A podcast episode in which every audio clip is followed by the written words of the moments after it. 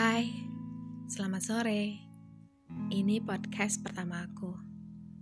Aku gak ngerti mau ceritain tentang apa.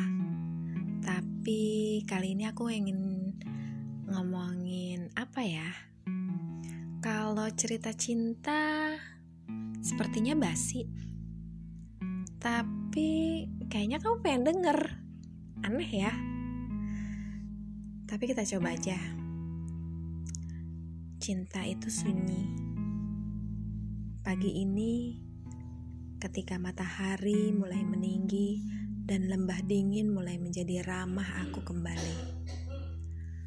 Turunlah, duduk di sampingku, dan jangan kau sungkan.